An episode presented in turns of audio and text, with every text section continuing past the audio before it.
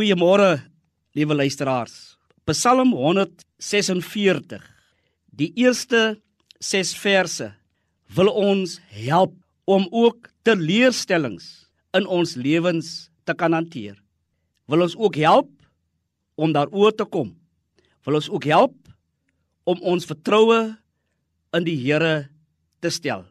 Voel u vanoggend teleurgestel in u huweliksmaat of u kind of vriendin of vriend of die werkgewer of kollega? Want sien, ons stel ons vertroue so maklik in mense.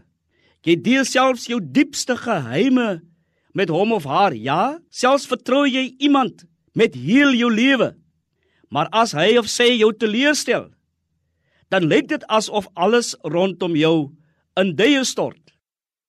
Ek ken seker vanoggend, liewe luisteraar, die kere hoe diep u teleurgestel was deur 'n vriendin, 'n familielid of een of ander persoon of iets wat in u lewe gebeur het.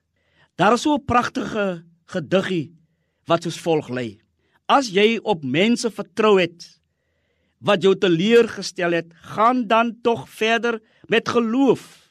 As jy op 'n wonder gehoop het wat nie gebeur het nie, gaan dan tog verder en bly hoop. As jy 'n spoor van liefde wou nalat en dit is vertrap, gaan dan tog verder met liefde voort.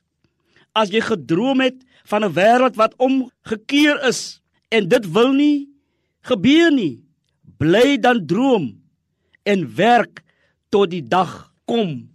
Die Psalm sê 3 maal Gelukkig is hy of sy wat die God van Jakob het as sy hulp. Wie se hoop is op die Here, sy God, wat hy of sy wat bly in hom glo. Want God is getrou en sy getrouheid is van geslag tot geslag. Stel u vertroue op die Here.